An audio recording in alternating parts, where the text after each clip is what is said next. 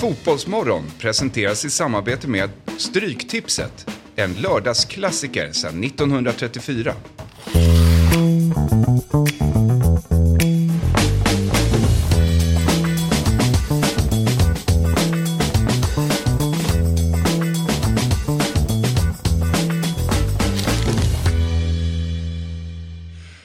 Morgon och hjärtligt välkomna till ett nytt avsnitt av Fotbollsmorgon. Det är Fotbollsmorgons 119 morgon och eh, idag så kan vi börja med att eh, berätta om en glad nyhet. Eh, Fotbollsmorgon har inlett ett samarbete med Bauer Media och eh, plattformen Podplay. Eh, så att vi hoppas att eh, fler kommer uppmärksamma vårt program via deras eh, plattform Podplay som nu inleder en satsning på flera poddar om fotboll där bland annat Fotbollsmorgon och Big Six då kommer ingå. Appen Podplay finns att ladda ner där appar finns. Fotbollsmorgon kommer precis som tidigare också läggas ut på övriga plattformar också så att det kommer gå att lyssna på lite överallt. Så där ser det ut och så där ser bilden ut med oss alla som är delaktiga i det här programmet. Idag, den 119 morgonen, så sitter jag här tillsammans med Josefin Kale och Niklas Niemi. Välkomna hit båda två. Tack, tack, tack. Tack så mycket. Eh, Jossan, hur är läget med dig? Har det hänt något nytt sen vi sågs för en vecka sedan?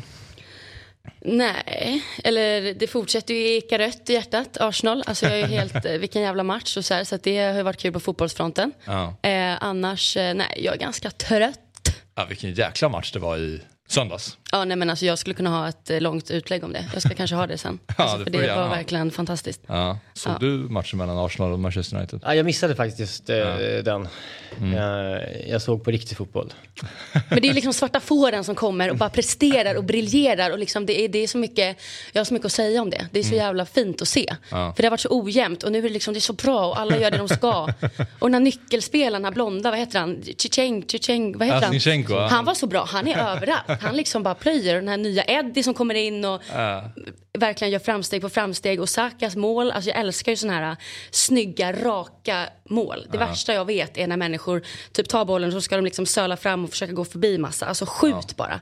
För det händer ju så mycket på vägen annars. Så jag- Sakas mål var bland det snyggaste jag Jag har sett. det, det enda jag, jag gillar med Arsenal det är att man gillar alla, alltså man gillar verkligen... Eh, Det enda du gillar med Arsenal, vad fan, tagga ner.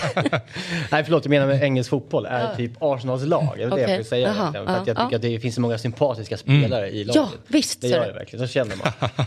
Det Nej, måste det jag var säga. vackert. Och Arteta, man kollar på massa klipp när han står och skäller ut laget i, i klubbrummet. Och sen är han ner. så fin ändå när han blir så glad. Han väldigt, väldigt engagerad på sidlinjen. Han, han bottnar ju inte sin engagemang riktigt. Men han är ju härlig. Ja, så det var bara en liten, jag behövde få ur med det. För att, Ja, men det var- Han är inte Cholo Simeone, han vill vara det, men det är han inte. Han Ja, är det känns lite som att säga, jag måste visa att jag bryr mig. Ja. Fast alla vet att du, är en, du ska vara en tänkare. Ja, exakt. Ja, men det är det man vill. Ja. Han ska ju vara liksom, eh, det, ja, efter Wenger, man ska, alltså man, det finns en, en tradition att efter, eh, ja vad heter det, med att liksom Ja. Bygga vidare på. Ja. Att vara liksom... Wengers eftermäle så ska han liksom ta över och, och Men jag tycker han kommer undan med att skrika. likadant. Han är så, jag tycker det. Han är gullig men- liksom och så ja, men, snäll. Man ska inte vara gullig. Ska, Men han är ju det typ. Egentligen, känner, eller nu känner inte jag honom. Men det känns så. Då, jag vet. ja, man känns som en arg liten liksom, nallebjörn. Exakt så. Väldigt så gullig Ja. egentligen. Så att han kommer typ undan. Ja. Men, men ha- eh, du kanske inte har sett målen alls då, men Sakas mål som Josefin pratade om, det var ju ganska långt utifrån, skjuter ganska hårt ner i, i hörnet. Väldigt snyggt mål. Jättesnyggt tycker jag. Lite märkligt så här i efterhand, för jag tycker det, det var ju vissa som var på att det var lite så här målvaktstavla för att det var så pass långt utifrån att det Gea borde kunna förutspå eller stått annorlunda. Ja, eller hunnit på något sätt förutspå Ja. eller se. För att vet, eller, ja, det var ett väldigt eh, snyggt mål. Alltså, vi, för jag har pratat mål tidigare. Och många mål kanske är Ja, men man gillar någon snygg nick eller liksom lite det här speciella. Mm. Men jag älskar när man bara skjuter. En hård vrist rak. Verkligen, bara kör. Liksom. Ja men det är ju vackert. Ja det var verkligen, han bara tog bollen och nu... Och man vet ju när man står och skriker på läktaren, skär, skjut! Det är så härligt när någon gör det. För Den sitter ju ibland. Nej men det där är... eh, Vet du, det, de där målen är faktiskt finast. Jag håller med om det. Mm, det är ju så vackra så. Nej, och de var ju också Snyggt helt... mål eh, igår ska sägas. Eh, Jag såg av en anledning, bara så stod den på, Carabao Cup. Ja, Grabbar. Nej men Nottingham ju. Mot, ja eh, Nottingham mot. Manchester United. Ja. Så kommer ju Elanga in i slutet. Eh, och eh, gjorde en jävla vacker assist. Mm. Eh, chippar fram bollen liksom bakåt i plan. Tyvärr inte sett själv faktiskt. Till eh, Bruno. Ja, okej, ja. Som dundrar en hård vrist också. Ja. Eh, ner i hörnet bara. Ja. Men eh, det var verkligen eh, så att Elanga behövde det. ja, kul för att det var just Elanga som gjorde det Ja, då. han kom in Nice. på sjätte, åttionionde hände det. Så att det är ju... Okej. Ja. Nej, ja, det enda målet jag sett från matchen är Rashfords första Uh, och, uh, eller ja, Rashford, Rashfords mål, han gjorde det första målet i matchen. Tagit, ja. Det var fan också snyggt. Ja, han tog bollen på typ halva plan och, och drev igenom. Och, alltså, uppenbarligen många snygga mål. Och United vidare då. De att de spelar mm. de är nästan helt ordinarie lag. I ja. Carabao. Ja. Ändå trodde jag inte. Nej. Mot Nottingham. De, egentligen så var det bara Lindelöf tror jag och Eriksen kanske som fick gå in. Ja. De, de körde Casemiro, det var liksom Rashford, det var Lisandro, det var liksom... Mm. Äh, ja, helt. Och Eriksen är väl här, också startspelare tror jag, så det är väl egentligen Vigge typ som är den. Ja, Lindelöf, hur går det fan? Vad ja, han fick spela nu då. Ja. Uh, det var väl det då, men han var ja. Jag såg ju bara lite på det. Mm. Men, han har inte fått spela så mycket under nya tränaren. Ja, det är väl femte Nej. val egentligen. Ja, den, den är ganska långt Men tror ni att han är en sån som liksom kommer få, det kommer blomma ut igen? Eller är han, han är satt, eller vad säger man, han är jag tror att han, är han borta nu? Alltså, bara en ren känsla tycker jag att han känns lite för bekväm. Alltså han, eh, mm. jag, tycker han, jag tror han mår så väldigt bra ja, okay. Eh, med att kanske inte spela så jävla mycket. Leva lush life liksom. Ja, men liksom, ja, han, han kommer aldrig tjäna mer pengar än jag nu. Han tjänar väl två miljoner i veckan. Satan, är det så mycket pengar Nej, jag, vet, ja, jag vet faktiskt inte. Nej, men det, det, alltså, det, det skulle inte förvåna mig. Ja men typ, alltså, ja. han tjänar liksom, mm. i alla fall uh, alltså, över en och en halv, det är det. Mm, okay. eh, men han, och det skulle han gå till, eh, se att han går till, han var på Atletico Madrid, han har mm. snackat om Roma och det var lite Precis. så här, han kommer aldrig tjäna de pengarna igen, mm. var den går. Så ja. han liksom, tror han sitter ut kontraktet. Ja. Mm. Nej, alltså, jag, jag, har lite den känslan också. Jag tror att han tycker att det är ganska skönt att mm. slippa liksom, den pressen. Och, mm. och, det är bara min, min känsla. Spela Carabao en tisdag. Ja, exakt. Det är inget, fel med det och får, som du säger, lyfta de här enorma lönerna. Mm. Jag tror alltså han är inte slut så, utan det, det, är mer bara att han, just nu får han inte spela så mycket, men om han hittar en ny klubb kanske han får nytt ja, förtroende så kan det nog blomstra lite igen. Mm. Men eh, Niklas, senast eh, du var här, jag vet inte exakt. Det var innan jul. Ja, eller hur? Och, och sista avsnittet då innan ja. uppehållet. Ja, just det. Okej. Okay. Men eh, jag är bara lite nyfiken på finalen av Alla mot alla. Ja, det var 9 december. Ja, precis. Du var, då var du visserligen föräldraledig men ja. hoppade in, jag hoppade in och jobbade den dagen. Och jobbade ja. den dagen.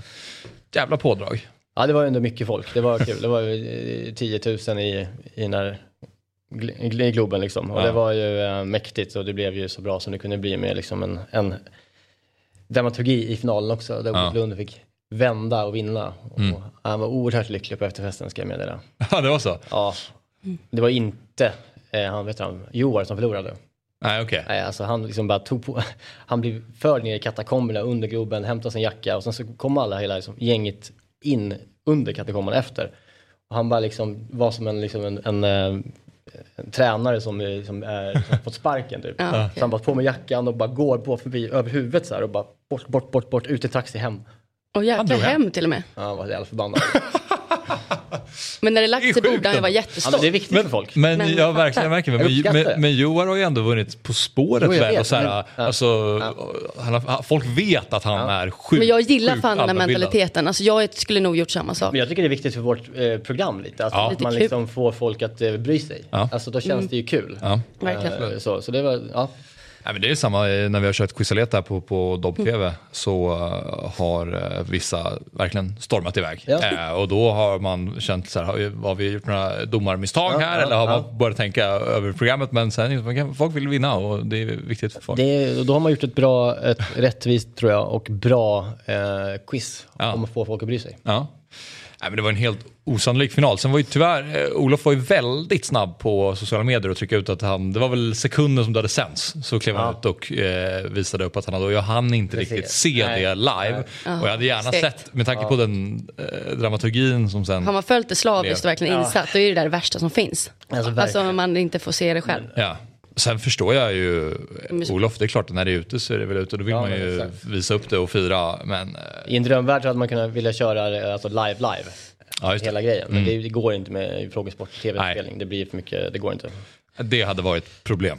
Ja, då man om hela konceptet till ett liveprogram och det ja. blir något annat. Man vill att finalen ska vara ändå, ska andas det som faktiskt är tagit den dit. Man kan ju liksom inte byta regler ja. eh, i finalen. Precis. Det var alltså, för alla som inte har sett det här, det var Joar Bendjelloul och Annika Lantz mot Olof Lund och Ebba Kleberg från Syd. Ja, exakt. Eh, I final. Och ja, det var en jävla dramatik. Ja. Eh, men Olof var stark i sista mm. under pressure momentet. Ja, det var han ju verkligen. Om, frågor om Globen?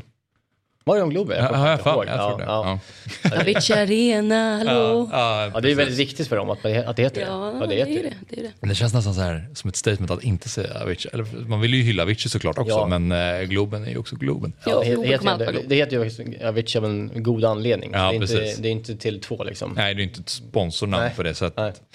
Nej. Ja, men eh, roligt. Vi har ett eh, fullmatat program idag som vanligt här i Fotbollsmorgon. Vi ska strax ringa upp eh, Marcus Bring som jobbar som eh, fotbollsanalytiker på bland annat eh, Fotboll Stockholm.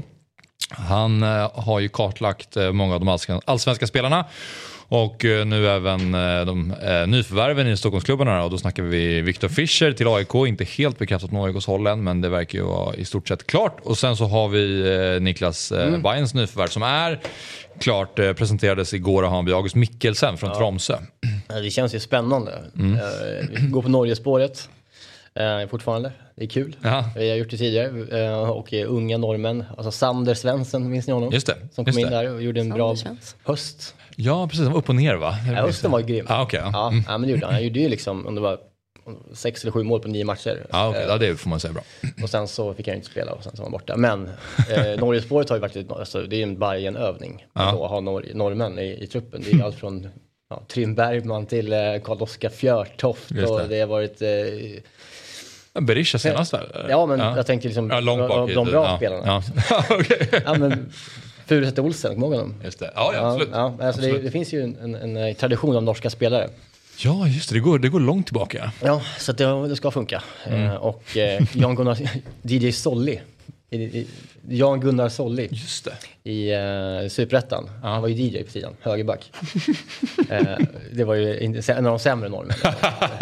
Men sen så både Alla har inte varit bra. eh, Sätra Ja, det. eh, i Kalmar nu. Ja, Ja, det var ju fina, fina år i Superettan med dem. ja jävlar, ni har haft många. Så Många det känns Norge. eh, hoppfullt och eh, av vad man har sett av, av eh, jag har inte så mycket koll på honom ju som man inte har. Man kan inte hävda att man ser så mycket norsk fotboll. Eh, men man ser, har ju sett nu alla eh, highlights givetvis. Mm. Och han verkar ju vara en spektakulär spelare med ett jävla tillslag. Ja, Och, spännande. eh, ja, han är 1,67 tror jag, Mm. så att han är ganska liten. Väldigt eh, kort. Mm. Men eh, ja, det blir spännande att se honom. Ja, det var, vi pratade lite om det går i 08 Fotboll här på, på Dobb-TV om att Bayern kanske saknar någon, nu när Brischa lämnar också. Mm. Så det är liksom anfallsspets. Ja, men det kommer ju nu med han Ja. eh, från, vad heter han? Från Rosenborg, han, heter han? Ole, Ja, okej. eh, någonting. Ja, okej. ja. det ryktas ju in Ole. Säter tror han heter. Okej, ja. eh, en lång, stor, eh, lite äldre anfallare. Mm. Som är ganska skadebenägen tyvärr. Men, men eh, en till norrman. Och så har ni ju en uh, ung spelare i Dennis Gyll. Mm, som eh, verkar vara väldigt vass också. Där har ju en striker också. Så det, honom kanske ni kan... Sen så kanske en Rabbi kan komma igång en gång. Eh, det vore kul. Mm. Ja, men okej, det finns lite att ta av, men vi får se vad, vad Bayern gör nu kommande tid i transferfönstret. Men eh, 07.50 så ska vi också ringa upp eh, Per-Mattias Högmo. Han har förlängt sitt kontrakt med Häcken så han blir kvar hos de nuvarande allsvenska mästarna. Då. Vet du vad de har för gemensam nämnare? Per-Mattias Högmo och August Mikkelsen. Eh, Någonting Norge känns som, men Jo, fan. har vi, har vi eh, har båda, nej jag vet inte. Nej, de är från Tromsö. va? Ja, jag, fan, jag skulle sagt det, jag hade tänkt det. Vi har samma dialekt när vi snackar.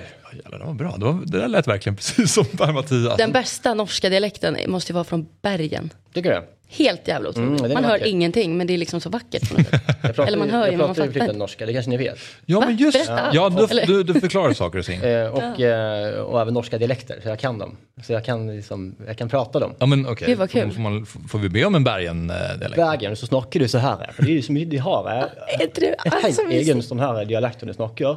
För det är de kommer från, från Västlandet och så har du, här du säger inte jag, du säger äg och så icke och icke icke. Så jag har det Han här. säger Ja. Var inte det lite mysigt? Väldigt, väldigt, väldigt bra framförallt. Men Ja, vad sa du för otroligt. någonting? Jag sa bara olika skillnader de säger med icke och så här. De säger, de säger, i- de säger icke Ja, just det. eh, om icke. Ja, just det. De säger eg istället för jag. Ah, det var där jag tänkte att du började prata om ägg. Mm. Men jag tänkte, undrar hur, de, hur äggen kom in i bilden. Men ja, du pratade om det själv. Jag, höll, jag gillar ju Brann, fotbollslaget. Mm. Så finns en fin ramsa där de sjunger, att, eller att de säger att Heja Brann, höja Brann, blod är tjockare än vann, höja Brann. Blod, blod är tjockare än vatten. Ah, Enda egentligen laget i, i det jävla landet de har lite riktig following. ah, i, okej. i Brann. Ja. Brann stadion. De är ju extremt eh, patriotiska. eh, på västlandet, eller i Bergen. De är ju helt egna, de har typ en egen nationalsång. De är liksom Okej. så här, Ja. Men eh, Hardcore. otroligt imponerande faktiskt med, med dialekten. Det enda, det, jag kan lite om Norge och sen så just Bergen-dialekten, det är ju Skam som den här, det är en av tjejerna där som pratar Exakt. Bergen. Och då var då man insåg, okej det är så här de pratar Ja. i Bergen. Och det Det lät ju precis ut. som det som du Ja. sa nu. Men det mest obegripliga det är han, alltså Berisha kommer ju från, han är ju från, från Stavanger och det är ju Okej. liksom egentligen på, så också västlandet fast liksom längre ner. Mhm. Och den är ju otroligt ful alltså. Ja, okej. Ja. Kan vi få höra den? Ja, det kan vi inte. Jag vill höra allt nu. Jag blir... Jo men i Berisha han pratar så här. Ja, det låter ju som skånska. Typ. Jag har faktiskt äh, alla skrivit på för Molde nu. Jag kan vara Hammarby bara som någon no, månad. Alltså. Vilka duktig du är ändå. Det, Otroligt det duktig. klingar ju Och det är ju så han låter. Det är precis det. Den är väldigt ful tycker jag. Ja, det var, ja, jag måste, precis. Bergen var ju inte heller, den är, den är mer speciell. Jag har svårt att placera om jag gillar den eller inte. Nej. Ja, ja. Men det är där de hör ka också. Alltså, när, Ja, säger de säger inte, ka, alltså, istället för va. just, just det, ka. Ja. Vad heter det för något? Ka, ka heter det, ja. Det är förvirrande. Gör de, ja, det gjorde det faktiskt i Nordnorge också. De säger vad heter det för något? kan inte du prata norska hela Jag programmet? snackar nordnorsk med Per-Mattias Högmo. Ja, gör det. Ja, Hallå där, jag, jag, jag, jag, lurar, jag lurar honom att, Ja, att, jag från, att jag är från Bodö. Det är det enda, det, ja, jag det, det, är inte det bra? Vi, vi, jag gillar det. Nej, jag vågar inte. Jag, Slipa lite på det. känns inte, jag vågar, jag vågar inte hålla på med honom. Han känns farlig. Han känns Nej, men han är jättesnäll, han har varit med i programmet tidigare. Jo men han har pondus, han kan sätta han. mig. Han kommer så här, han kommer dra ner rykte på Fotbollsmorgon så kommer han aldrig mer svara när det. Okej, men du kan väl eh, först prata svenska då, och sen ställa Han någon han kan- fråga. han kan ställa bedöma. fråga på norska för att Ja. säga att så här, ja, men, Ja. ja.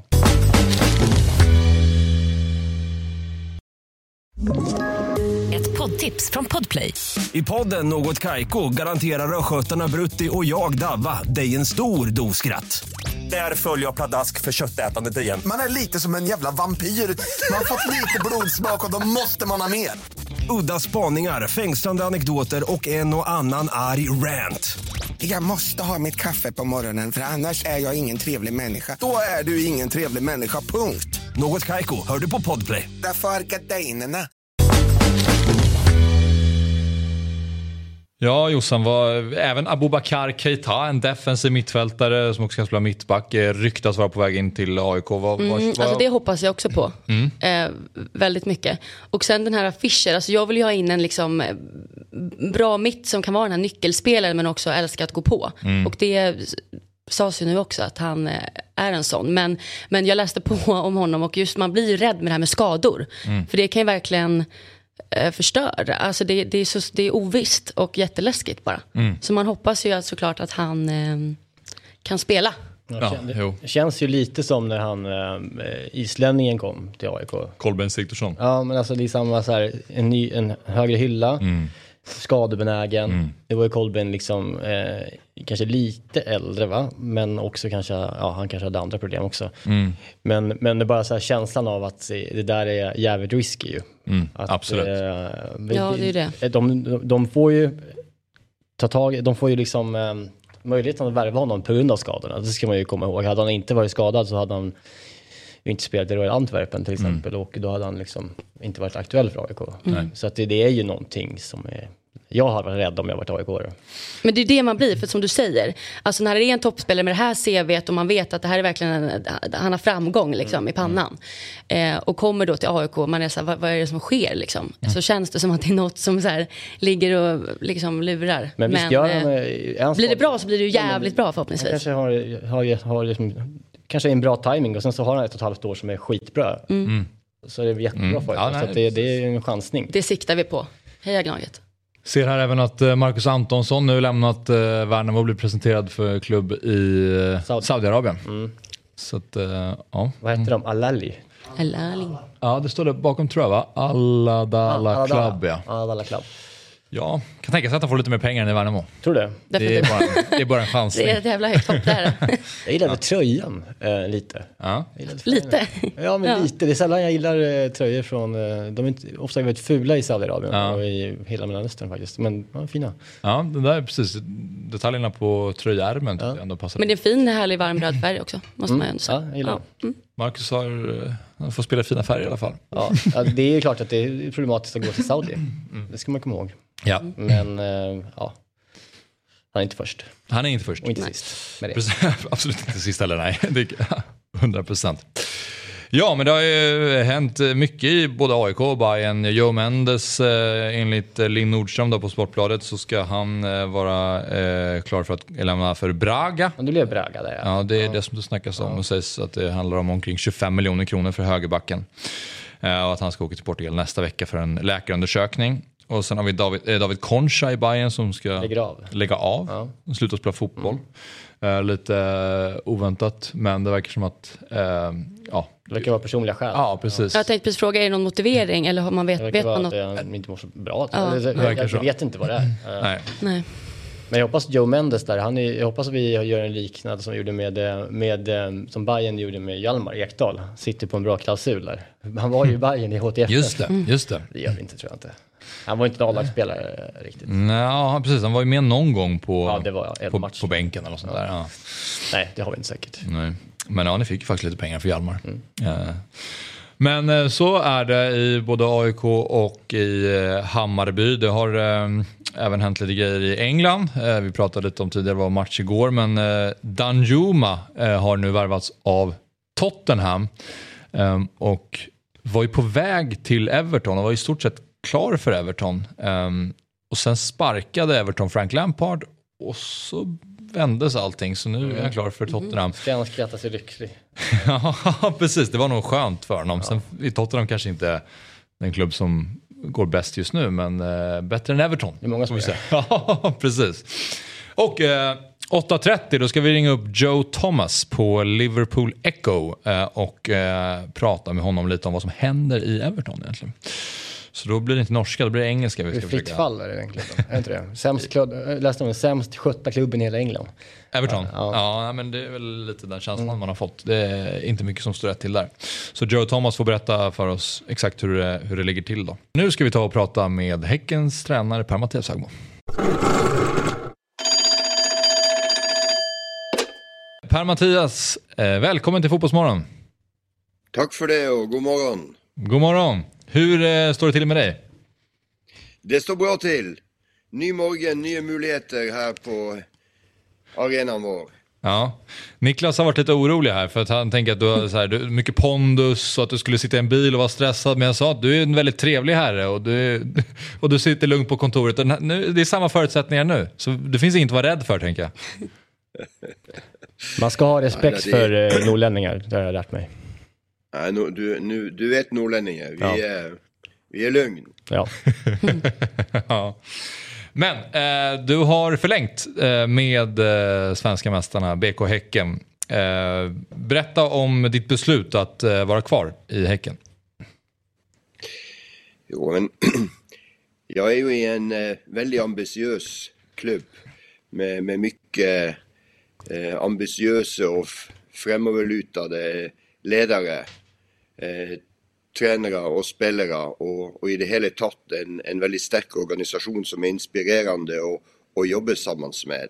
Ehm, vi har hittat ett sätt att jobba på genom att eh, jobba med det vi kallar Häckenstandard som ska ge oss ända bättre förutsättningar för att spela Häckenfotboll. Så det, för en 63-årig gammal norrman så är det väldigt motiverande att, att gå på jobb här varje dag. För samtidigt som att du, du ger lite så, så lär du också mycket. Vad innebär Häckens standard lite mer konkret?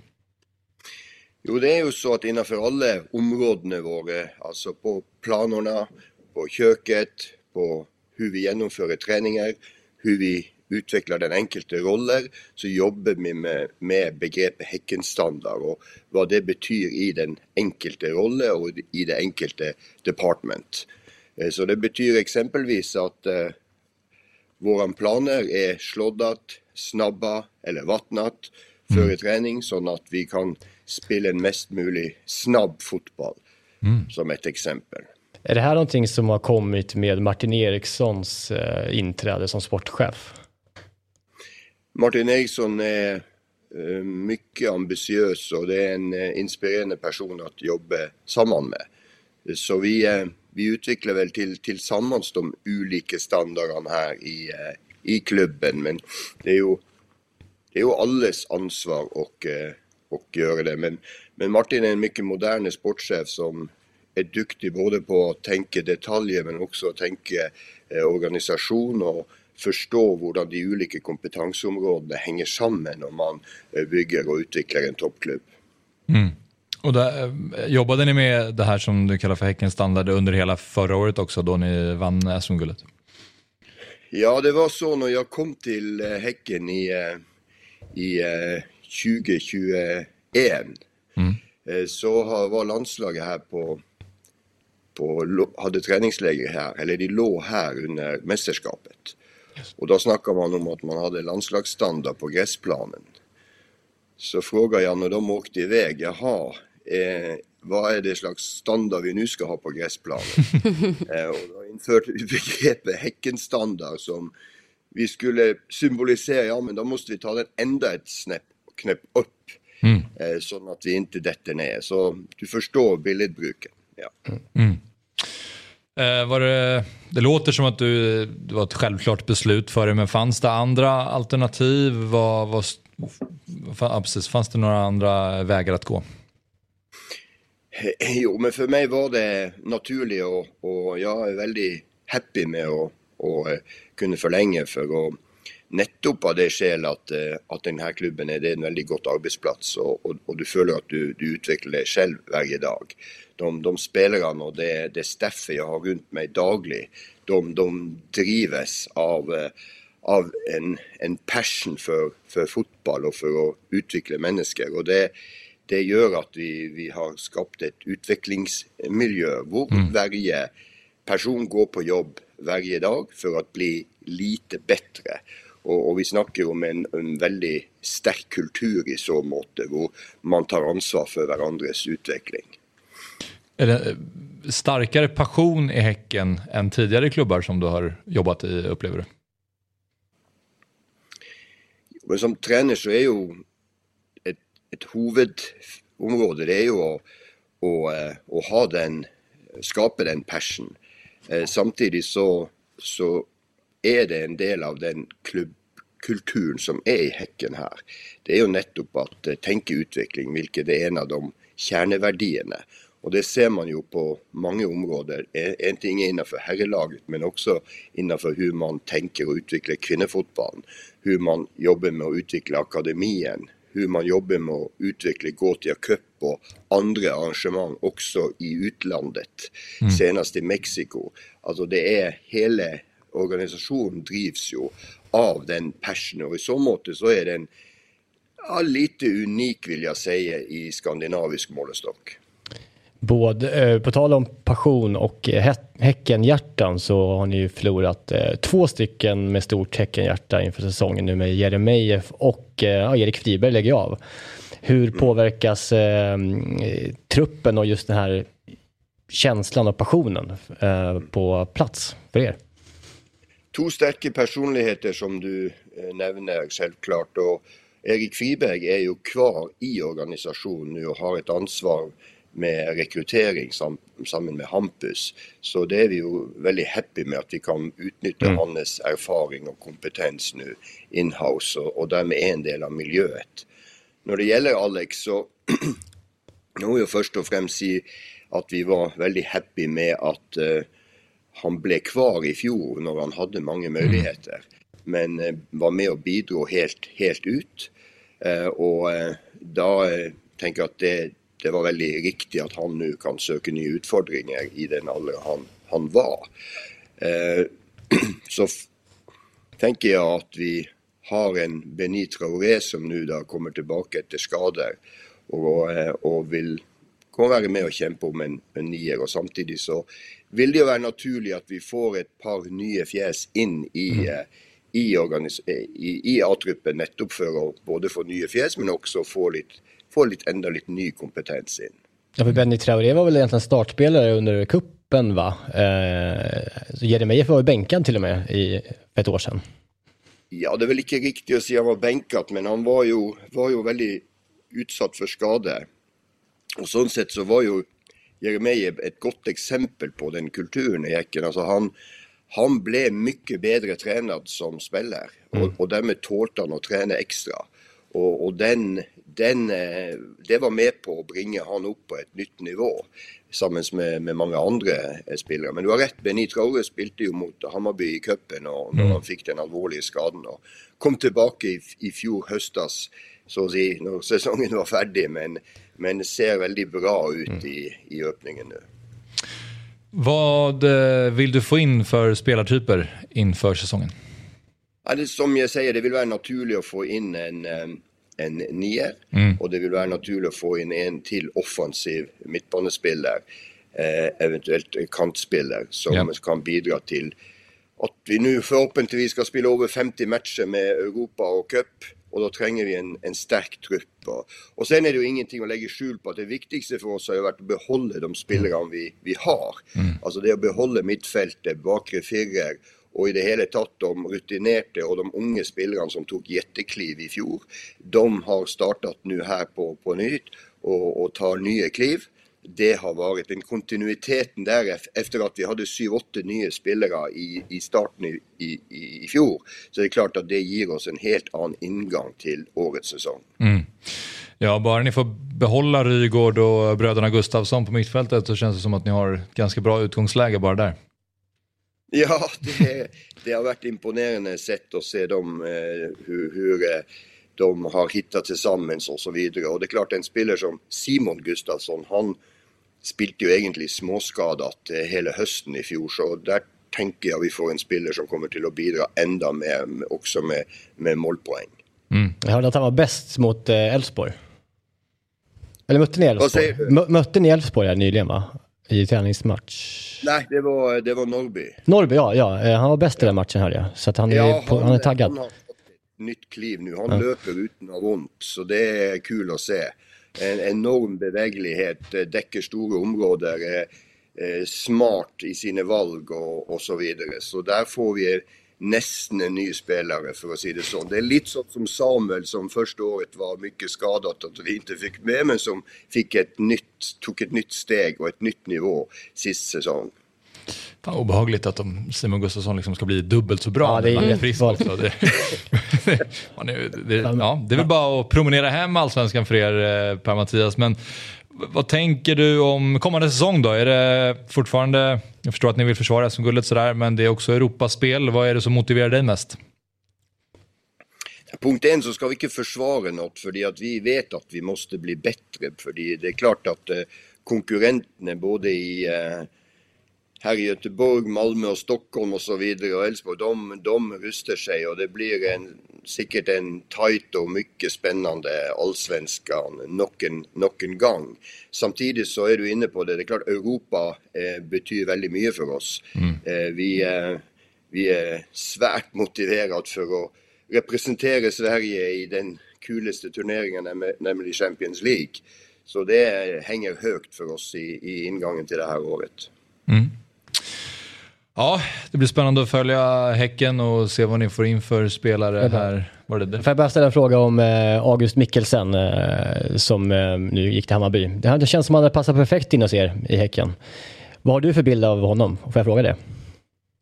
Jo, men jeg var, jeg var en tur i Tromsø nå på Og da så jeg jo August på og det er jo en spiller vi har eh, selvklart. Eh, og jeg tror at han skulle passe godt inn både hos oss og Hammarby. Eh, han er jo en, en, en teknisk mye dyktig spiller. Flink til å skape ubalanse gjennom sine én-mot-én-kompetens, og samtidig en god avslutter med et snapt og presis skudd. Så jeg tror nok at Hammarby har gjort en, en god verving der. Ja, jag vill bara ha det. Jag vill Du ville höra jag vill det. bara höra det från, från någon som kan något. Ja, men eh, lycka till nu eh, Per-Mattias med kommande matcher och givetvis säsongen som, som väntar. Takk så mye. Takk. Takk for praten. Hei. Ha det godt. Hei. Detsamma. Ja, Jag vill bara höra från eh, hästens mun, han, han har ju koll på just Tromsö och norsk fotboll. precis. Men, Han hade varit eh, perfekt Häcken ju. De behöver en offensiv mittfältare. August Mikkelsen känns som en bra... Han hade ju varit älskat att ha Mattias och allting. Mm. Synd för dem. Precis, nu tog ni honom istället. Men äh, ja, äh, lite stressande där att äh, Simon Gustafsson alltså spelade småskaligt och nu helt frisk. Ja. Och då var han bäst direkt. Nej, men jag, jag, han var ju helt överjävlig mot, äh, mot Norrby. Ja. Ja. Det, det är väl fan inte det, det är väl många som kan vara det. Men, Ja. men jag menar, jag säger någonting i, i januari, att man i den åldern han ändå är, han är 28, eh, liksom, eh, med den karriären ändå orkar tagga igång januari-matchen och så är han liksom helt överlägsen. Ja. Det, det är kul. Det är jävligt härligt att höra den här liksom, stämningen som verkar vara. Och den här tryggheten i laget att alla är så motiverade. För det visar sig på planen. Alltså det är samma känsla jag har fått av typ Djurgården. De har ju också spelat som att de är verkligen bästa vänner på planen. Det synkar. Man känner liksom att bakom kulisserna också så är det så bra stämning. Och det smittar ju verkligen av sig på planen. Man märker ju det och det är liksom härligt att höra det. Jag är livrädd för Benny Traoré också. Ja, för det, det finns ju en pot- potential där. Eh, och han var ju, började liksom komma igång en del till, sen liksom fick han sin allvarliga skada. eh, det jag lyssnade på var det, Jonas Samuel Gustafsson var ju med i Olof Lunds podd här och pratade om liksom hur, varför det funkar så bra i Häcken och så här. Och att Han tog inte liksom ner hans jobb någonting men han pratade om att så här, i, i teorin kan man, ska, man kunna sätta in med den Häckenstandarden i, i bakhuvudet. Eh, vem som helst. Och då kommer det se likadant Man spelar ett på ett, eh, man spelar fotboll på ett sätt i Häcken som Ja. ska vara genomgående. Ja. Och eh, det är så inarbetat på alla sätt. Mm. Från varenda, liksom, som man sa, både på, liksom, från, från köket liksom, och ner till fotbollsplanen så är det liksom att man vet hur man gör. Mm. Det är ju också livsfarligt, tänker jag.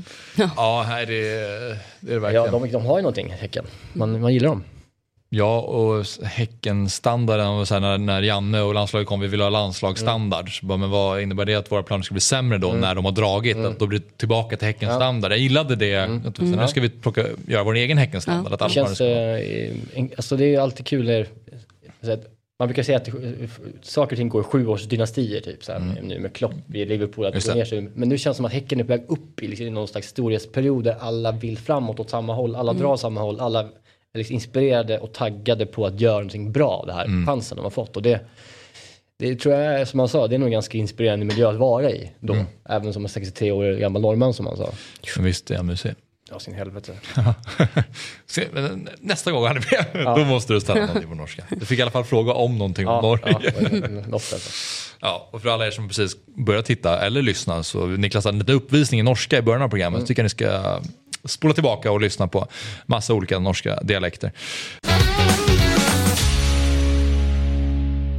Där har vi den! Så, Tack. nu är vi igång på riktigt. ja, tack. Det kändes bara välkommen. det jag ville komma in i. Tyst. Ja, men vi ska prata Stryktipset och ehm, det är alltså en produkt från Svenska Spel, Sport och Casino AB. Det är åldersgräns 18 år och har du problem med spel så finns stödlinjen.se. Jag tänkte att vi eh, kan börja med förra veckans kupong, Myggan. Vi har väl en liten bild eh, på den eh, med antal rätt och utdelning. Och, eh, vad, vad har vi för lärdomar från den Myggan? Vad säger du? Alltså det var ruskigt svår kupong. Men kul med utdelningen. Det var jätte, jättebra utdelning. Att komma under eh, tvåsiffrigt med alla streck jag har är ju för dåligt. Så att jag, jag skäms. Men däremot Sabri och Hoffman var ju jättesnyggt, 11 rätt. Det får jag Ja. verkligen ge dem. Nej men, nej, men det, var, det var Championship som vanligt som stökade till det. Eh, och utdelningen därefter. Det är ju svårt med Championship. Har du hunnit kunna liksom plocka upp någonting? Eh, några några säga. Lärdomar om det Championship?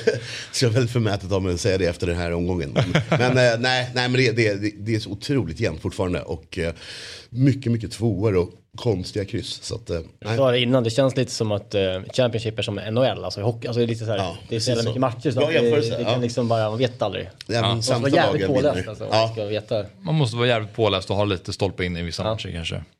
Eh, Men eh, så såg det ut eh, förra veckan Förra i alla veckan, fall. exakt. Lite, lite, för mitt försvar var att den här lottade ettan, det var ju min, min skräll, tvåan. Okej, men det är men det är den perioden på året när det är mycket lottningar så det, det, det ska man ju ha med i ekvationen. Snöade den bort eller? Matchen? Det snöade bort, Ja. det var för kallt.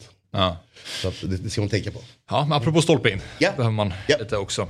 Vi har ju en otrolig story från förra omgången också. Det var alltså en eh, vinnare som ärvde fem stående rader från sin svärfar 1990 1996. 96, eh, pratar vi nu. ett. Och vann alltså 2,1 miljoner kronor i lördags. Ja. Fem Jag, rader. jag, tror, jag tror Det är trevligt. jag. Och spelar alltså en, ett, eh, singelkrysset Mm. i match nummer ett. Som avgjordes sent. Jag tänkte på det, han har haft den här raden 25 år då, eh, svärfar och sen Ja. 96, 27 år, eh, 26 år. Eh, börjar med två kryss. Det är rätt trist varje vecka antagligen. Att man är rätt blåst. Man kommer till match nummer tre ofta. Eh, så nej, men hatten av, det är ju jättesnyggt. Det var nästan en halv miljon i, i odds var det va? Blir det väl. Ja. Så att, nej, väldigt, väldigt snyggt jobbat. Och eh, som vanligt, en, skåningarna vinner mycket miljonvinster upptäckte jag också när jag läste på om det här. Det var inte första gången Skåne fick miljonregn på sig. Det var en häftig story och att den här personen då som vann inte hade, tog inte del av det Nej. live utan hade fått reda på det dagen efter. Och, liksom så här, Ja, det. Och jag- och, och gick in på sitt konto och tänkte så här, ja, jag har fått ett mail från Du som drömmejlet, du har vunnit en högvinstmejlet. Ja, precis. det är man, det man. Då var det inte en, äh, rejält med pengar här. Så, bara. Exakt. så sa han då, ja, men jag tänkte att det kanske var så här 15 000 eller någonting. Och så går man in och så är det så här, ja det är 2,1 miljoner. Behövde liksom hjälp med att räkna. Det Är det mycket med en, när, så när det mycket som jag alltså. ser? Jag vann 100 000 på eh, bingo på Svenska Spel en gång. Det var samma känsla att det här är ett låtsasspel, det här är något jag gör för kronorna som är över. Och nu står det på min skärm att jag har vunnit pengar. Jag ringde Svenska Spel i Visby en lördag morgon och de svarade ja du har vunnit. Så här. Det är en ganska vanlig reaktion att Ja, folk att ringer oss. Jaha, Jag, var, jag var inte den första som satt på det, det är något konstigt. Ja, det- Kontot hade blivit fel i siffrorna här på Ja, kontot men, bara. eh, bingo, det trodde man inte. Nej. Där hamnade man. Ja, så, otroligt så var det häftigt. förra veckan, en kul historia. Det är bra Ja. för oss eh, alla som lägger lite mindre system också tycker jag. Det är ju jättekul. Nu när det finns så mycket andelar och Mm. sådär. Så fem spänn kan ta en väldigt långt. Så det är bara att hänga i Ja, och verkligen. fortsätta gnugga med sina rader. Så kan det Det hända. ändå. Men innebär det att man, förlåt, jag är inte duktig på stryktipset tror jag, men innebär det att man har fem stycken olika, alltså utan, utan garderingar? Alltså det, det- blir ju så. Han har kört alltså fem stycken eh, en- enkelrader. Ja, alltså exakt. Ja, det är så det funkar. Mm. Ja. Ja, ehm, men ehm, vi tar och tittar på eh, kommande lördag. Ja, den kupongen. Den är också svår. Det är FA Cup, FA det Cup, ja. är Championship och League One dessutom som sista match. Peterborough mot Portsmouth ska leta sig in där. ja, det, det det, Fan man saknar Portsmouth i, i finrummet. ja verkligen. det, det, ska, det ska inte vara lätt i varje fall. Nej. Men eh, vi är lite tidiga här i veckan i och med FA-cupen. Så man får tänka lite grann på att kanske att vi som lägger andelsspel får lägga in det sent i och med startelvor och sånt i de här första matcherna. Just jag. Eh, Mm. Hela match nummer fyra just för att de har ju Newcastle på onsdag. Mm. Eh, och det är deras stora chans att gå till en final, Southampton. Så de kan ju vaska den här. Och jag, jag har ingen aning om hur mycket motivation det är. Just onsdag kväll var det svårt att veta hur det ligger till. Ja. Så där får vi kanske vara lite flexibla. Ja. Eh, men sen tycker jag Man- Manchester United känns som en super, Ja, de superspik. De tog inte ut sig igår på något sätt. Nej. Och eh, Reading är, är bra mycket sämre än Nottingham och det är hemma också. Så det tror jag är väldigt enkelt. Ja. Tottenham känns som att de kan kryssa och gå vidare på omspel. Alltså det, det känns väldigt, de, de kommer gå vidare. Man vet aldrig vad man har Tottenham just nu, Hur de jag. gör har jag ingen aning om. Liksom. Nej. Eh, men sen är min, min, min spik eh, är inte West Bromwich, den är där nere på Queens Park Rangers. Förvånad att- jag får den till 30% bara. Eh, för att eh, de är mycket bättre än Hull City. Men det är nog också att det är onsdag kväll, det kommer nog jämna ut sig. Så vill man ha en superspik, eller superskräll, förlåt, så har man då Blackpool i match nummer fyra, tänker jag. Ja. Mm, om man vill vara riktigt gutsy. Ja.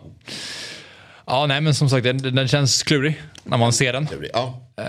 Ruggigt. Men det är bra, jag får kolla på er på lördag, ni sitter ju här och gaggar lite. precis. Mm, lite närmare avspark och då kan man liksom på något sätt få lite mer hum om hur vi ligger till. Luton bra. Grimsby, där är man svag. Jag har inte jättemycket heller. Och... Alltså, Luton går ganska bra va? De är väl ganska nära Ja, playoffet? ja nej, men visst. Och sen har de, de blivit tränare. Och, eh, det var ju han som gick till Southampton. Ja. Och sen dess har det ju kickat igång. Så nu vinner de ju allting. Men Grimsby är, är ju nykomlingar i League 2.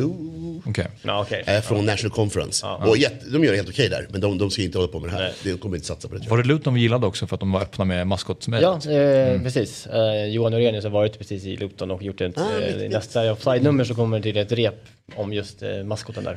Ken, ja, exakt. Kenilworth Road. Något svårt ord. Är det så? Jag tror det. Ja, okej. De var tydligen de- det enda som svarade. Vil- vilken Bayer har spelat i Luton? Oj, det? Det är typ eh, Björn Rudström på lån eller? Jag tänkte Björn, di- direkt så tänkte det jag Björn lån, Rudström. lånet Från? Fulham. Ja exakt, lånet också. Den är bra. Varför tänker man alltid på Björn Rudström när det är någon Bayern som inte riktigt har någon klubb där det inte gått konstiga, exakt, konstiga klubbar Ja. En snygg, eh, snygga, var, var ni i Fiorentina? Vad var det? Nej, Italien, vad var han då? Rundström? eh, han var i Fio, ja. Ja, Fio. Snygg eh, mängd klubbar. Ja, faktiskt. Ja, Ja, men där har vi slutet på lördag. Ja, så att, eh, Ni får gärna re, jag vet det, hänga på, köpa en andel, eh, rygga spelen med QR-koden. Eh, eller även Sabri Hoffman spel får jag också rekommendera. Som de briljerade i lördags. Ja, precis. Eh, Som sagt, Sabri och Jesper de vann ju 5000 kronor med, med sina 11 rätt. Eh, Så dobb.one slash stryktipset eh, eller använd QR-koden som ni ser i bild för er som tittar. Så är det i alla fall. Där har ni Stryktipskupongen för lördag. Och Stryktipset är som sagt en produkt från Svenska Spel, Sport och Casino AB. Det är åldersgräns 18 år. Har du problem med spel, då finns stödlinjen.se.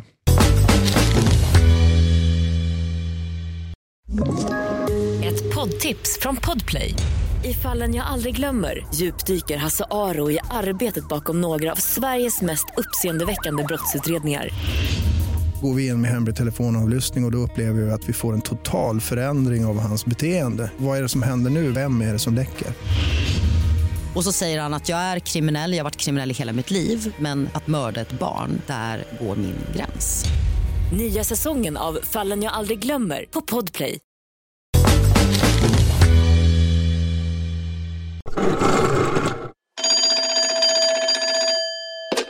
Joe Thomas, you are the Everton FC correspondent, uh, correspondent for the Liverpool Echo. Uh, you follow the Blues home and away, providing uh, match reports, analysis, and insight into events at Goodison Park, Finch Farm, and beyond. Uh, Joe spent more than a decade uh, covering news on Merseyside. Uh, to begin with, Joe, how are you? Yeah, not too bad. Cheers. Very, very busy at the moment, but um, you know, it's, it's, it's certainly interesting times at Everton. Yeah. Gives me lots of stories to write anyway. yeah. Uh, just to start with, we were talking about uh, food on uh, football stadiums. Uh, which arena has the best food, Anfield or uh, Goodison Park? I choose Goodison Park every single day. Yeah, I, I, that, that, was my suspicion. Uh, yeah. no, no surprises there. Yeah. No. Well, how's the food at Goodison? Yeah, it's, it's yeah, it's, it's not not too bad to be fair. I mean, it's pretty straightforward stuff. None of it's quite as exotic as some of the um, the kebabs and sausages that I've just saw come up on your screens from around the world. So, yeah, uh, they, they they look a little bit messier than some of the fare that we have on on Merseyside, but they certainly look quite interesting. Yeah. Uh, well, uh, I understand that you're busy. A lot, uh, lots of things happening uh, in Everton. Are you are you getting enough sleep? I wish I could have some more. Uh, it feels like it feels like we've having about one year full of stories all wrapped up in at the moment two or three days. Like it, it really is just non-stop. If ever there was a if ever there was a club where you just don't know what is going to happen next at the moment, it feels like Everton is is, is one of them. You know, I'm, I'm waking up every morning and I, I don't know what I'm going to wake up to, and I think I've got a big story, and then two hours later there's another story, and it just keeps on going and going. Mm. Yeah. What's the latest uh, biggest story? Mm. well, yeah, could you well, could you summarize the last uh, days? Well, okay. Well, well, on the pitch, um, which we're most interested in, Frank Lampard lost his job. Uh, he was he was sacked by the club on Monday after a, a really poor run of results. To be honest, has, has left Everton in the bottom three and, and facing another relegation battle. Last season, they they stayed up on the, the second to last game of the season with, with a win against Crystal Palace. It was really dramatic. There was some jubilant scenes at the end, lots of fans celebrating on the pitch, Frank Lampard celebrating in the stands. And there was a lot of hope from Everton fans and, and obviously from the club as well that that'd be it. There was one bad season and they'd have the summer and then they would start to get better. And yeah, that was just almost almost one bad year. But unfortunately, mm the problems have continued and they've continued into this season. They, they had to sell their best player, Richarlison, over the summer. They didn't really replace the, the goals or the determination that he provided to the team. And in the wake of that, and in the wake of other teams around them strengthening, spending lots of money, they, they find themselves in a very similar position this season. You know, they haven't won a game since since October. Obviously, that sounds worse than it is because of the World Cup break but it's still a hell of a long time. Uh, and on top of that, they've had a, a number of, of, really bad performances within that and lost to, to other teams such as Wolves, such as West Ham, such as Southampton that are in the relegation battle with them. And then on top of that, we you know we're now 26 days into the, the January transfer window, a window that the club really really needs to strengthen, mm. and there still isn't anybody that's come through the door. They thought they had a deal for Arno Danjuma locked in over the weekend from, from Villarreal. It was almost completely done. It was you know, the last final bits of paperwork. And then all of a sudden, at the last minute, he, he ended up deciding to go to Tottenham Hotspur, which you know has, has obviously left Everton in a very difficult position. And mm. just to make matters even harder, they thought they were going to get one new winger in, and now it looks like there's a chance that they might lose one of the wingers that they do have in Anthony Gordon, who's attracted interest from other Premier League clubs, particularly Newcastle United. Um, he, he hasn't been at training in the past two days, and it's starting to look like that interest might lead somewhere this week, which would obviously you know hurt Everton going forward as well because it would be a, one fewer player that they have to turn to. And now you uh, might end up with uh, Anthony Lang on loan.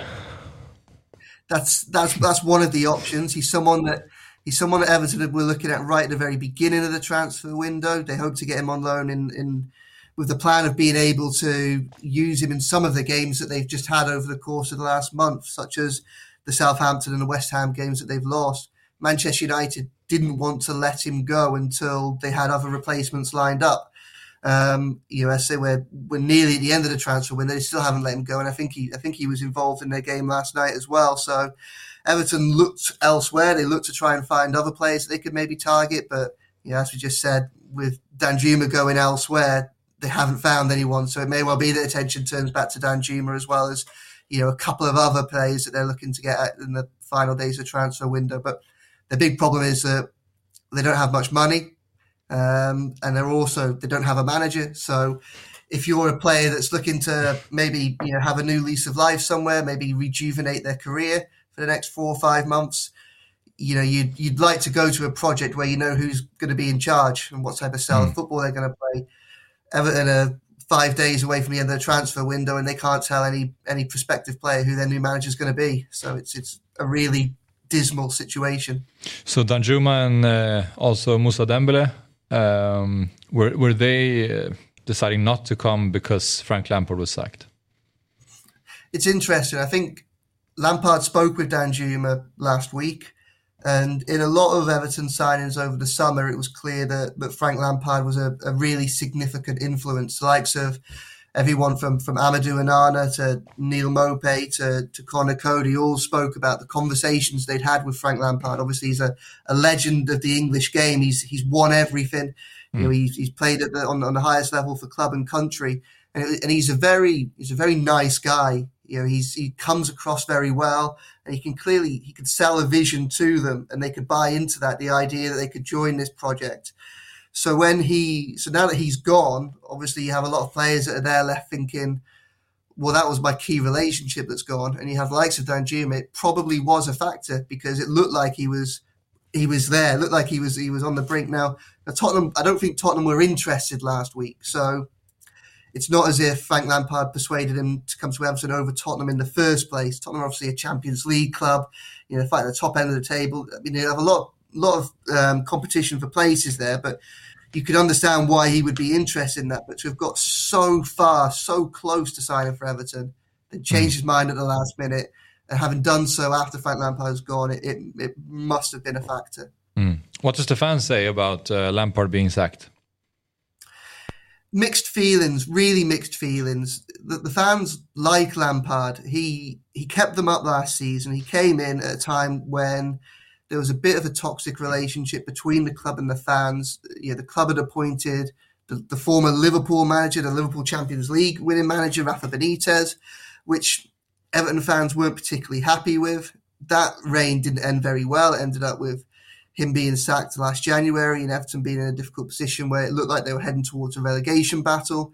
Frank Lampard came in and he was a, a breath of fresh air. He kind of he helped to reunite the certainly the play inside of the football club with the fans, and it led to some incredible scenes. And the fans undoubtedly played a major role in keeping Everton up last season. This season, the form has you know has been awful over the last two or three months, and I think that most supporters accept that the results and performances have been bad enough that Lampard probably isn't the right man to go forward but most of their anger and most of their frustration is directed at, the board of directors and those people who are above Frank Lampard, who they see as responsible for the long term problems that are at Everton and problems such as the financial problems that they have, such as the, the issues that they have within their squad. That I think there's an acceptance from a lot of the supporters that Frank Lampard was almost operating with one hand tied behind his back. You know, he he was it was always going to be a very very difficult job for him to take mm. Everton forward, uh, and and clearly that's proven to be the case. Do you think it was the right decision? yes, I think it had to be by this point. I, I really wanted it to work for Frank Lampard. And, you know, I liked him as a person and he came across very well. And I thought he had some very good ideas uh, for, for Everton and, and how to take them forward. I thought he was a very unlucky manager at Everton. Some of the injuries that he had were, were atrocious. Some of the refereeing decisions at key points in big games, they kept going against him. It felt like he couldn't catch a break, even in the transfer market. You know, we spoke about Dan Juma just now, but over the summer there were a couple of players that have since had very, very good starts to this season that mm. looked like they were about to come to Everton, and then other factors outside of Frank Lampard's control kind of stopped them from coming in. Mohamed Kudus, who's at Ajax, and mm. he had a very good, he's had a very good Champions League so far. You know, he had a good World Cup as well.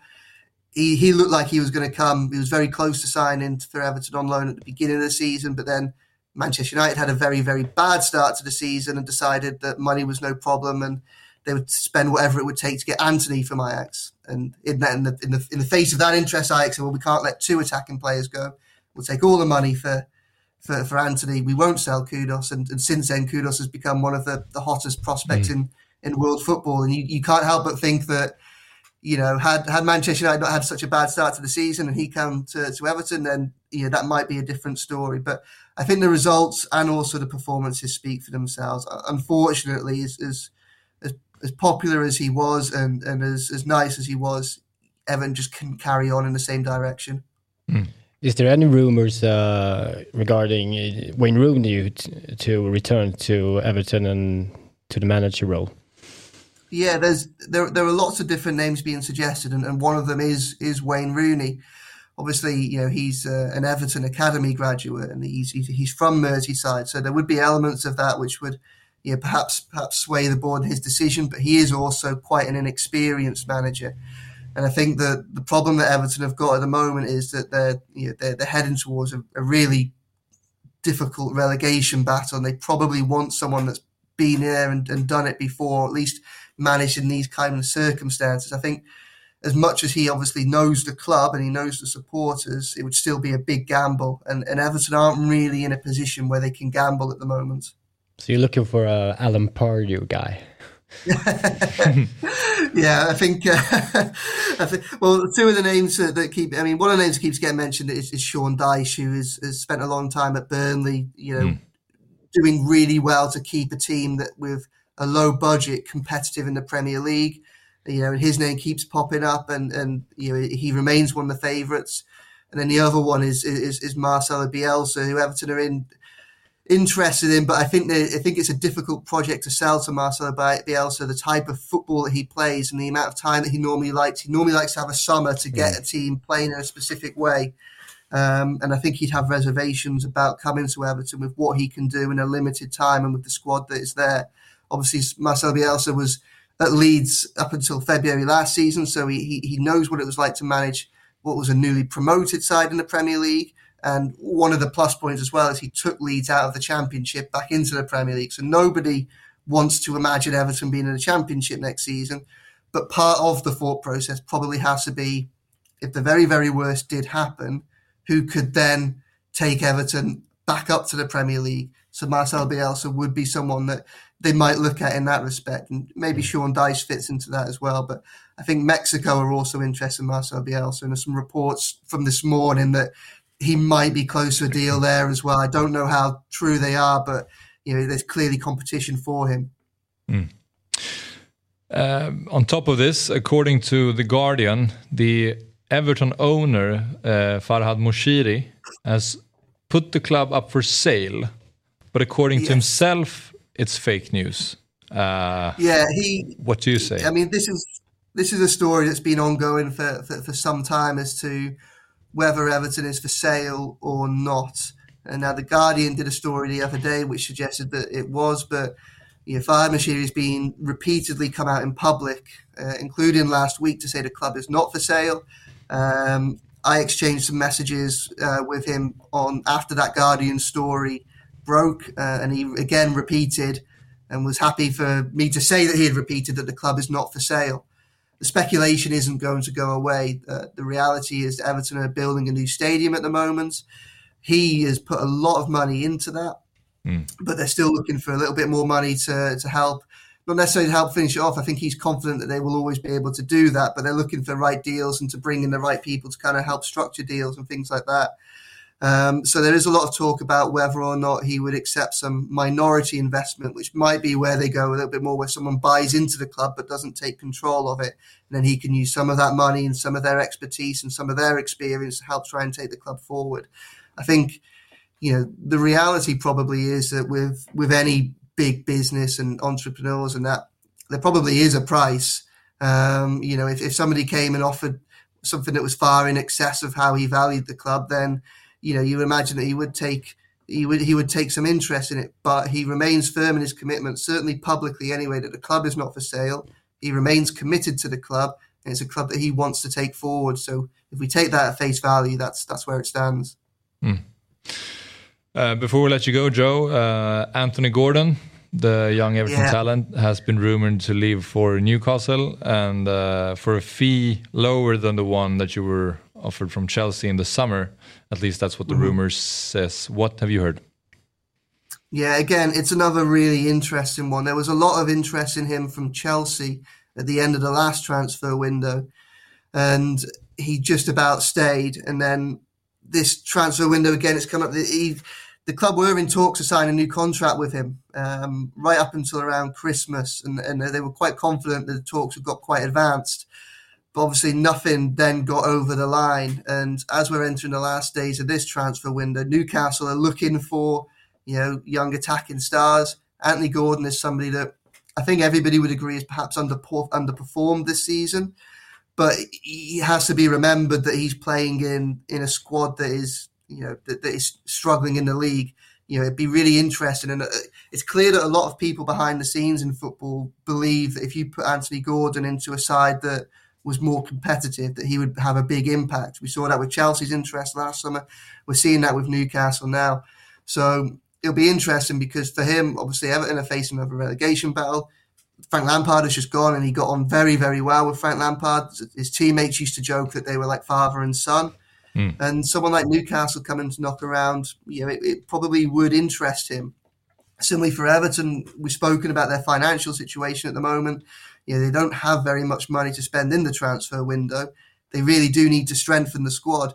That there might be some people within Everton that are thinking, well, if we, if the club can get a substantial amount of money for him, even if it is less than what they were offered in the summer, they might be able to get hold of that money in the final days of the transfer window. Maybe bring in two or three players that could leave the squad stronger. Mm. Well, interesting and uh, chaotic uh, times uh, in uh, Everton. I hope you get some sleep now, Joe. Thanks very much. Thank you very much for having me. Have a nice day. Thank you, you too. Bra surr. Det är rörigt i Everton. Ja, det är rörigt i Everton. Herregud. Ja, det är liksom allt från ägare till att spelare vill lämna och de sparkar tränare och de, inga resultat. Och, nej. och då är det ändå en ganska stor klubb också. Ja, det är så hemskt. Alltså, ja. nu, nu händer det. Nu mm. de ut. Eh, det är snabba kast här i Fotbollsmorgon idag. Eh, nu ska vi direkt till nästa samtal faktiskt. Jaha. Okay. Nu ska vi prata med Patrik Wern.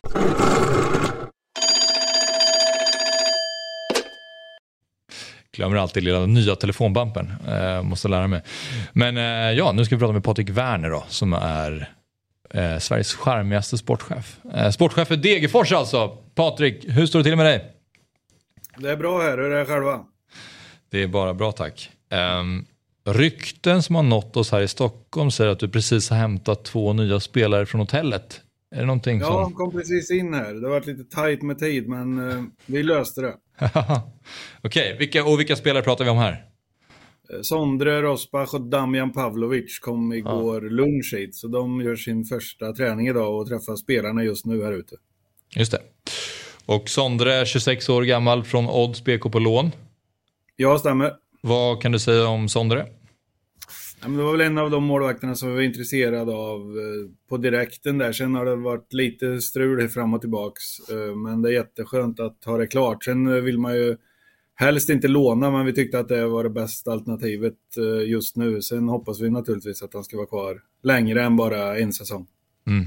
Och så har vi Damian Pavlovic, då, 21 år gammal från Rijeka på lån med köpoption. Eh, Som jag har tolkat det. Ja, det stämmer också. Och vad kan du säga om Pavlovic?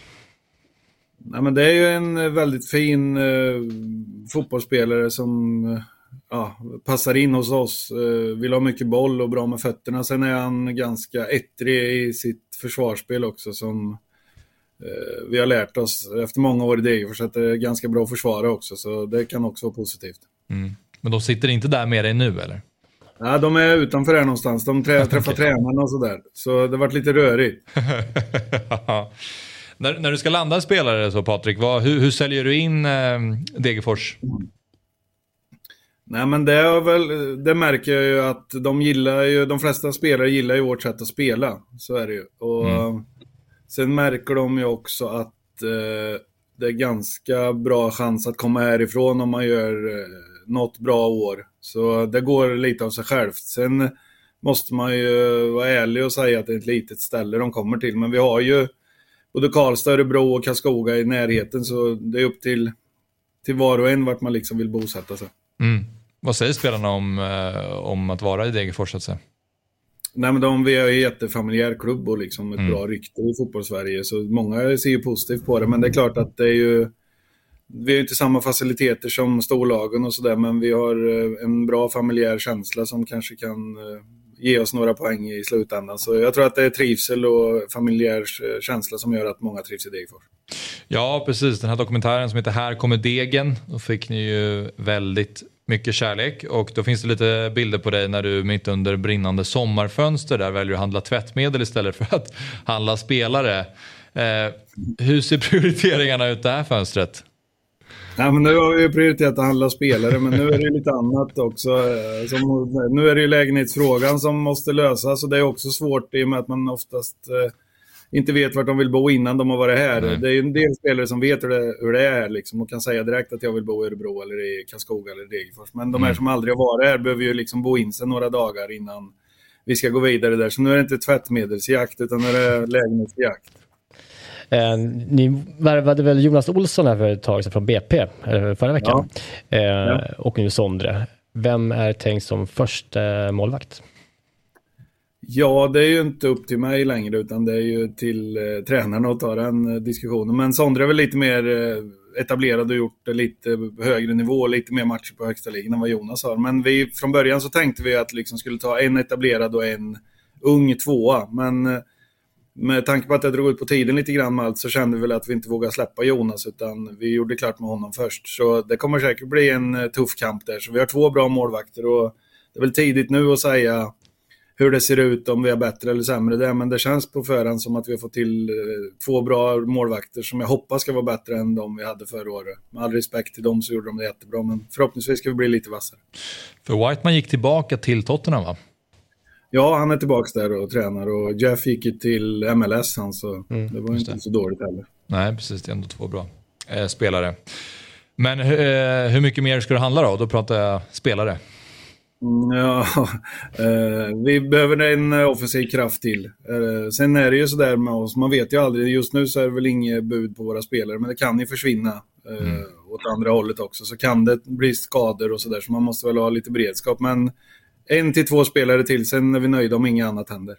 Ligger IFK Göteborg på med Carlén? Eh, Jag vet inte där riktigt, för Carlén har ju ett utgående avtal med oss. Så vi, han är ju liksom fri Okej. att prata och förhandla med alla klubbar. Men det går väl lite rykten om att de ska kunna vara lite intresserade. Så vi har räknat bort honom här i alla fall. Vi har frågat okej. honom Okej. tio gånger om han vill vara här och han han på det. Så han, han vill ha en ny utmaning. Okej. I övrigt då, eh, Patrik, eh, tankarna inför säsongen?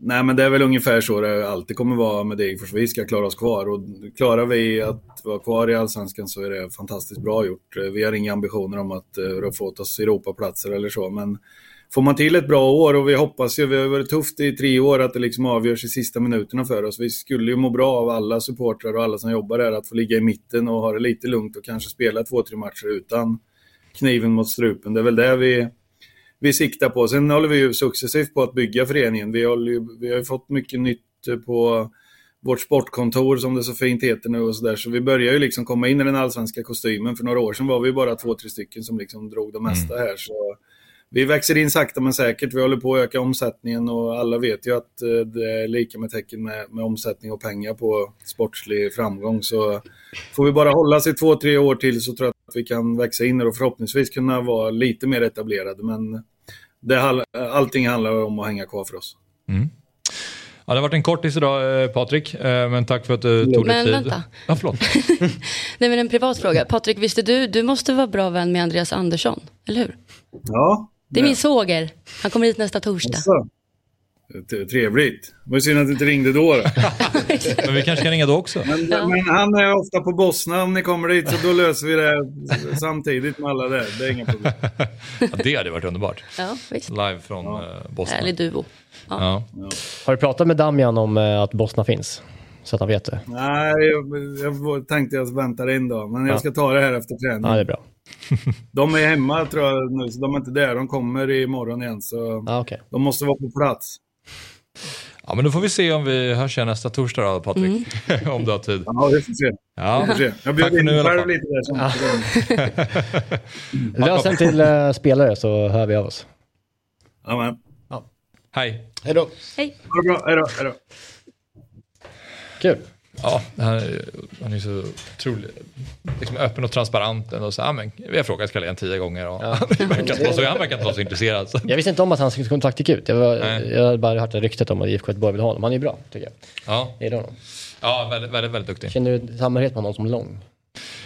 Ja, ja, jag känner samhörighet med andra långa människor. Sen är det ju väldigt sällan som jag träffar folk som är längre eller lika långa. Han är, han är inte så lång. Så jag blir, kan också bli provocerad när folk säger att ah, du är också lång och så kommer de med en Alltså, han 93 är typ. en 96 eller? Ja, men Eller? vet, det är nästan en decimeters skillnad. Vad är, vad är lång för dig? Vad, vad börjar det? Nej, alltså, om man är över 1,90 så är man väl lång. Men jag menar bara så här, om, om det är någon som är, Nej, men jag- jag- om någon är 1,91 Ja. Och jag är 2,05 och kommer säga ah, du är också lång. Ja, Tänker jag, nej. jo, men det skiljer också Nej, är mer jättesvårt. än en decimeter. Ja. Ja, Men lång börjar på 1,97 tycker jag. okej, ja, men det bra. Det, det gillar jag med. så, om man är liksom 1,96 så är jag bara, nej han är, Zlatan är kort. han är medellång. Ja, precis. nej, men, eh, det är ett långt land, så en, en 91 funkar inte. Jag Nej. tycker, ja, en 95 upp. Men Zlatan är inte så lång, han är 1,93 eller vad är han? Jag tror att han är lite längre, jag tror han är 95 skulle jag Ja, gissa på. Skulle jag gissa på. Jag är ruskigt svag på längder kände jag. Det, där, där, där kan du sitta en hel dag. Jag ville alltid när jag var liten bli 1,89.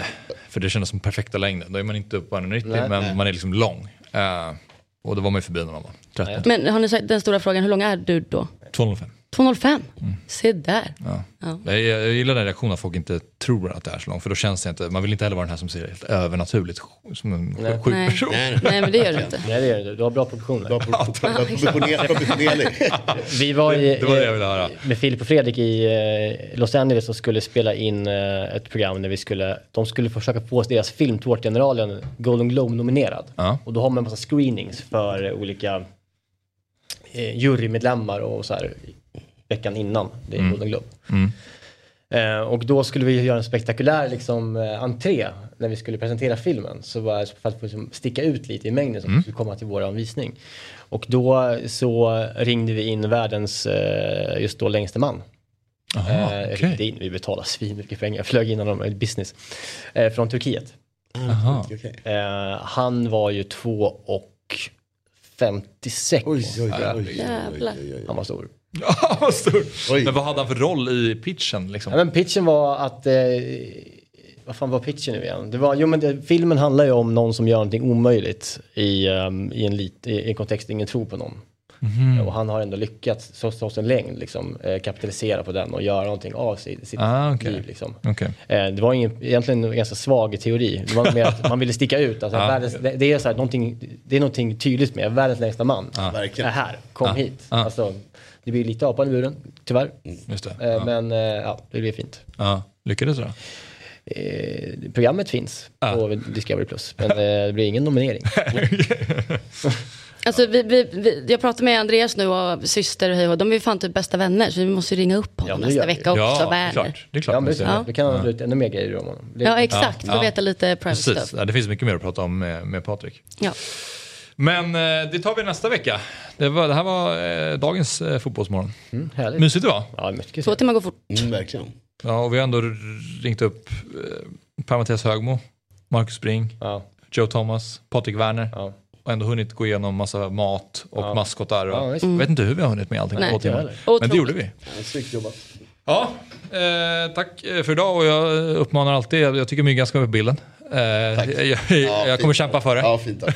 Ja, in med den. Det är min sista eh, lilla uppmaning innan vi avslutar. Och imorgon så är vi tillbaka igen såklart eh, 07.00. Då är det Jesper som eh, leder programmet. Sen tror jag Fabbe kommer vara här och det är on this day så det finns mycket fint imorgon också. Tack allihopa. Vi eh, ja, ses imorgon igen då. 07.00. Hej. Fotbollsmorgon presenteras i samarbete med Stryktipset. En lördagsklassiker sedan 1934.